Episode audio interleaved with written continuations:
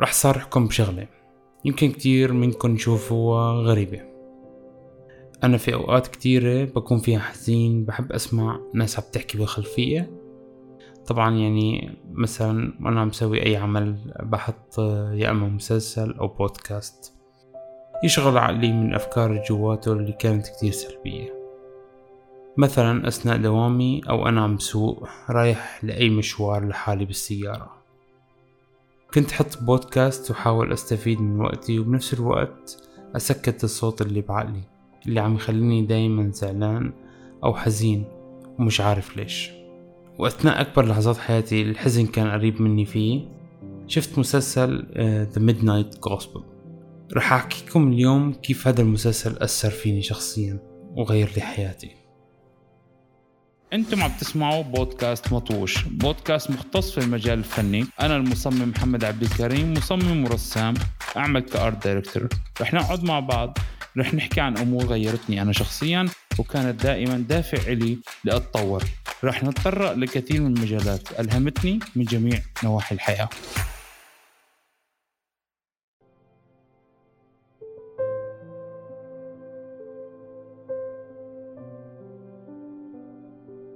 في عشرين عشرين مثلي مثل كتير ناس عديت بأزمة نفسية كبيرة بصراحة. مش عارف أوصفها شو كانت هي اكتئاب ولا احتراق ولا imposter syndrome أو إيش بالضبط ما كنت بعرف. ولكن كنت مش مزبوط وحاسس حالي زعلان. وكنت مشان أهرب من أفكاري دائما أسمع بودكاستات مشان تعبي وقتي وتساعدني بالأوقات السيئة تعلم منها شغلة أو تنتين. وتخلي عقلي يهدى شوي وحزني وألمي. يخف وأعرف طريق لعلاجي من وين وكيف. مش كنت عارف شو هو السبب بالضبط لكل هالزعل بس بين معي بعدين. رح أقلكن بآخر الحلقة.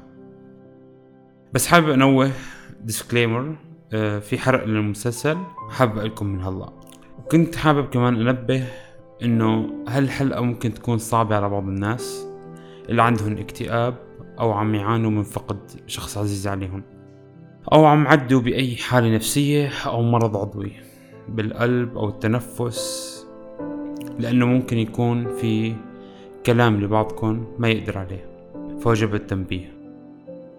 مسلسل The Midnight Gospel هو مسلسل مش عادي.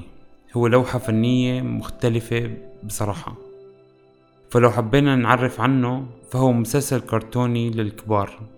Adult يعني. بيشبه أي مسلسل من adult swim. ومثال وليس للحصر مسلسل Rick and Morty هي إذا حطيته مع بخلاط آه، مع The Joe Rogan Experience.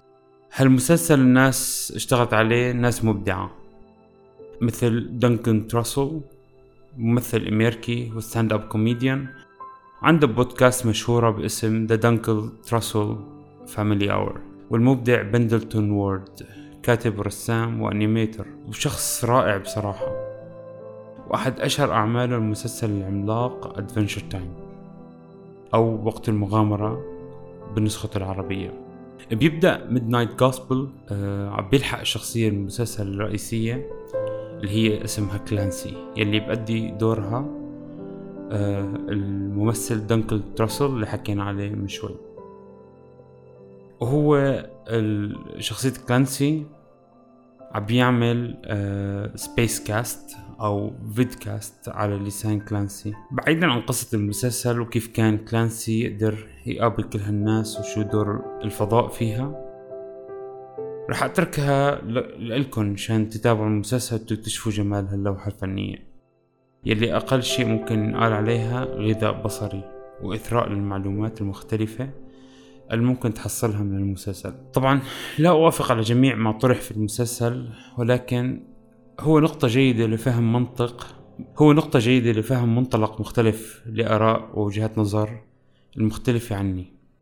في بعض الأحيان هذا بيعطيك منظور مختلف عن طريقة تفكير بعض البشر ليساعدك للتعامل معهم. طبعا أرجو الانتباه. هالمسلسل أعيد وأكرر للكبار فقط وليس كل الأفكار الموجودة فيه تتوافق مع ديننا أو قوانين دولة التي عم نعيش فيها. وجب التحذير. في الحلقة الأولى من المسلسل بيقابل فيها كلانسي دكتور آه، رود بينيتسكي يلي بيختص بالأدوية والعلاج اللي ممكن تسبب إدمان وكيف العلاج منها وكل الحلقة بتتمحور حول هالشي اللي اسمه Is there's any good drug or bad drug بصراحة أجمل شي بهاي الحلقة مش الفكرة اللي هن عم بيطرحوها ونقاشهم على الدراجز is it good or not بس كان النقطة اللي أثارها كلانسي بالحلقة الأولى آه اللي بيبدأ كلانسي بيشرح فيها معاناته ومشاكله النفسية مثل الشعور بالغضب ومحاولته إيذاء النفس أو الأشخاص اللي حواليه. بدون أي قدرة على السيطرة على نفسه. فكانت آه، نقطة بالنسبة إلي آه، يعني فتحت لي عقلي عن الأمراض النفسية ممكن يواجه الشخص من هذا المنطلق. So then I asked the question, so how do we get there in a way that we're in control over and we can stay there?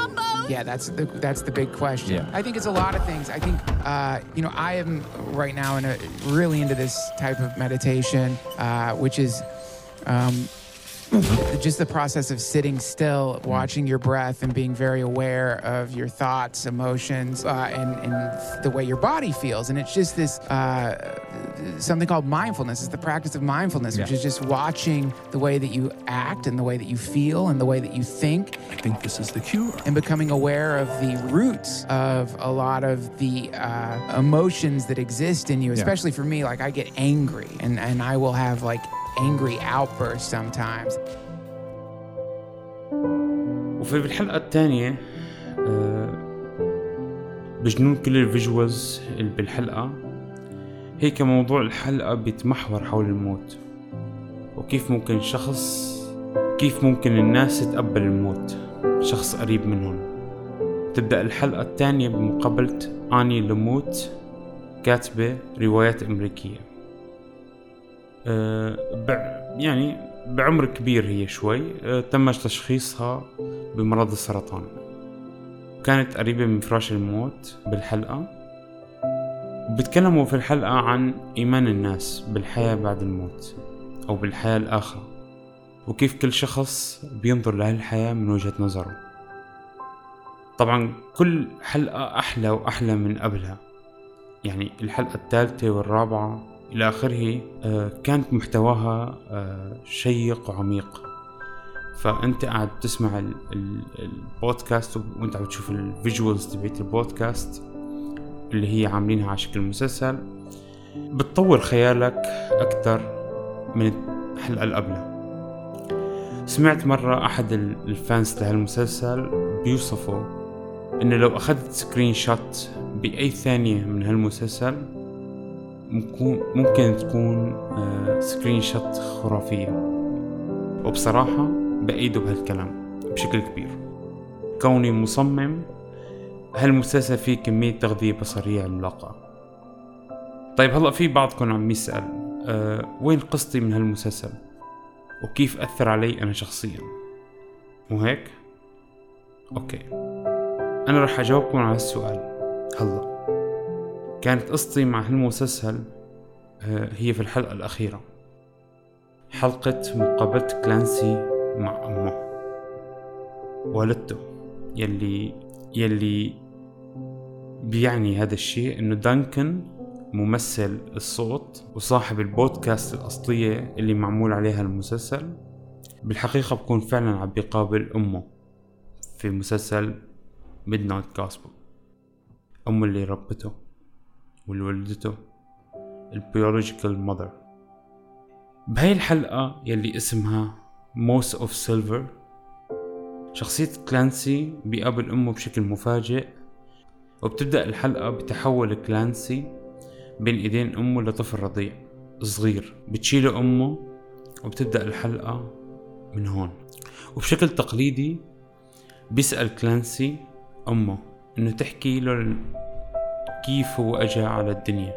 وهون بدأ كلام أمه وصوتها الحنون وهي عم توصف حياة ابنها وهو صغير. وكيف بيتحول حديثهم شوي شوي لمواضيع فلسفية مختلفة ومتشعبة بيتطرقوا فيها للحياة والنمو والموت وما بعد الموت.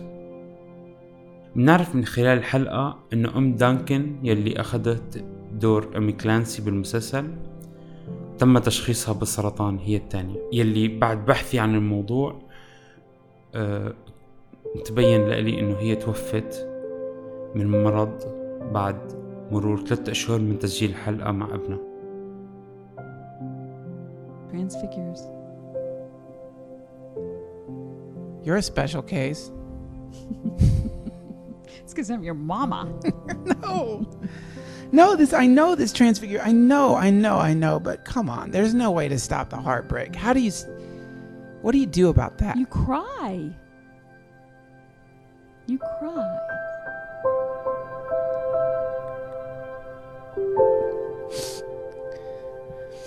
Very funny podcast. It's really hard. أثناء الحلقة بنشوف دانكن بيسأل أمه كيف يتعامل مع فقدان شخص عزيز على قلبه. تبدأ تشرح له إنه هالدنيا فانية بمنظورها. وكيف نحن كلنا بنحاول نهرب من تفكير إنه شخص عزيز علينا ممكن بيوم من الأيام يختفي من حياتنا. وهالشيء بنحسه كبير بس العالم الواسع اللي حوالينا هالشيء بسيط عليه وكل العالم بتعاني منه بسكوت وصمت تام. I would tell them to cry when they need to cry and to turn toward this thing that's called death. Turn toward it. And even if you're afraid to turn toward it, turn toward it. It won't hurt you. And see what it has to teach you. It's a tremendous teacher, free of charge. I don't think it'd be sell a lot of goddamn tickets if it was trying to. ما فيك ما تزعل وتبكي على فكرة إنه يوم من الأيام شخص قريب عليك ممكن يموت. وهون تجي نصيحة أمه. بهالنصيحة تعلم إنه بمراقبتك للموت ما راح تخاف منه ولكن راح تنتبه منه ومن الحياة اللي أنت عايشها. وكيف ممكن تعيشها بطريقة تعبي حياتك معاني وتكملها بعواطفك ومشاعرك. وتكون واحد مع شخصك وشخصيتك وتهتم بالناس اللي حواليك أكثر وتفتح عينك عليهم أكثر وأكثر وتحاول تكون مراعي لمشاعرهم كمان. وإذا ابتعدنا عن المسار وظلينا مغمضين رح نعاني كتير. رح نواجه حياة head first بدل ما نمشي معها بطريقتها وبطريقها هي. But I do think that we suffer more if we resist that flow of the river. right. It's always flowing. That if we if we try to get over there to the side so that we can get on the bank and be exempt from the flow, that's where we begin to suffer Right. more and more. موقعي بالإعراب من هالحلقة ببداية الثورة السورية تفرقت عيلتي وتشتت شملنا صرنا عشر سنين مفرقين أنا وأهلي. كل منا بيحلم يشوف التاني. يوم ورا يوم هالحلم عم بيكبر. نحن وأجسادنا الفيزيائية عم تكبر. ما عاد أنا الشاب يلي كنت أربعة وعشرين لما طلعت. أنا هلأ عمري خمسة وثلاثين. اليوم بتاريخ صدور هاي الحلقة ما بعرف قد ضايل لي من عمري ولا من عمر والدي أو والدتي. أتمنى ألتقي فيهم اليوم قبل بكرة. بس أمنيتي هاي ما منعتني من تحسين علاقتي فيهم كنت طفل مدلل مش عارف قيمة أهلي لبين ما صار عندي أولاد اتربوا بعيد عن جدتهم وجدهم وعمامهم وعمتهم بس أنا عارف محبتي فيهم زادت I love you too. And, Duncan, that kind of love isn't going anywhere. That's another thing you find that I may leave this plane of existence sooner rather than later, but the love isn't going anywhere. I'm as certain of that as I am of anything. اليوم اختصارا للقصة كلها اللي حاب أوصله من الحلقة هاي إنه نحن بإيدنا نقدر نسيطر على حالنا نقدر دائما نكون أفضل. لما نحن نواجه حقيقة موت شخص قريب لأن هذا الشيء آه، حاصل حاصل. حنلاقي صرنا نقدر هذا الشخص أكثر يلي موجود بحياتنا. إذا أنت ما أعطيت الامتنان لأهلك لعائلتك لأمك وأبوك لجدك لجدتك اللي عايشين أو زوجتك عمك عمتك أي شخص قريب منك كان له تأثير عليك أو ما له تأثير ممكن تفقده بيوم من الأيام. فحاول تصلح علاقتك معه. كونك شخص فنان أغلبنا بنعاني مع مشاكل الانطواء. فخلونا نعيش حياة أفضل ونكون أشخاص اجتماعيين ونبدأ بعيلتنا قبل الكل. هاي هي حلقتي لليوم. بتمنى تكون استفدتوا منها. وما كانت هيفي عليكم. شكرا لكم على الاستماع وبتمنى آه، تنشروا الحلقة بينكم بين أصدقائكم وتعملوا سبسكرايب آه، أو فولو على البودكاست مطوش. كان معكم محمد عبد الكريم and see you in the next episode.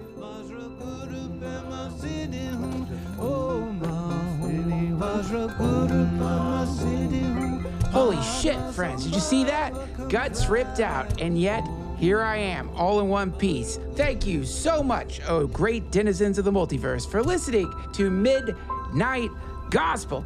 And to my one subscriber, Hernock Jensen, I live for you. You're the reason I wake up in the morning with a smile on my face. So keep listening, Hernog, and I'll see you in your dreams. I, I love being around people that help me see the world through a new pair of glasses, and, and you're one of those people.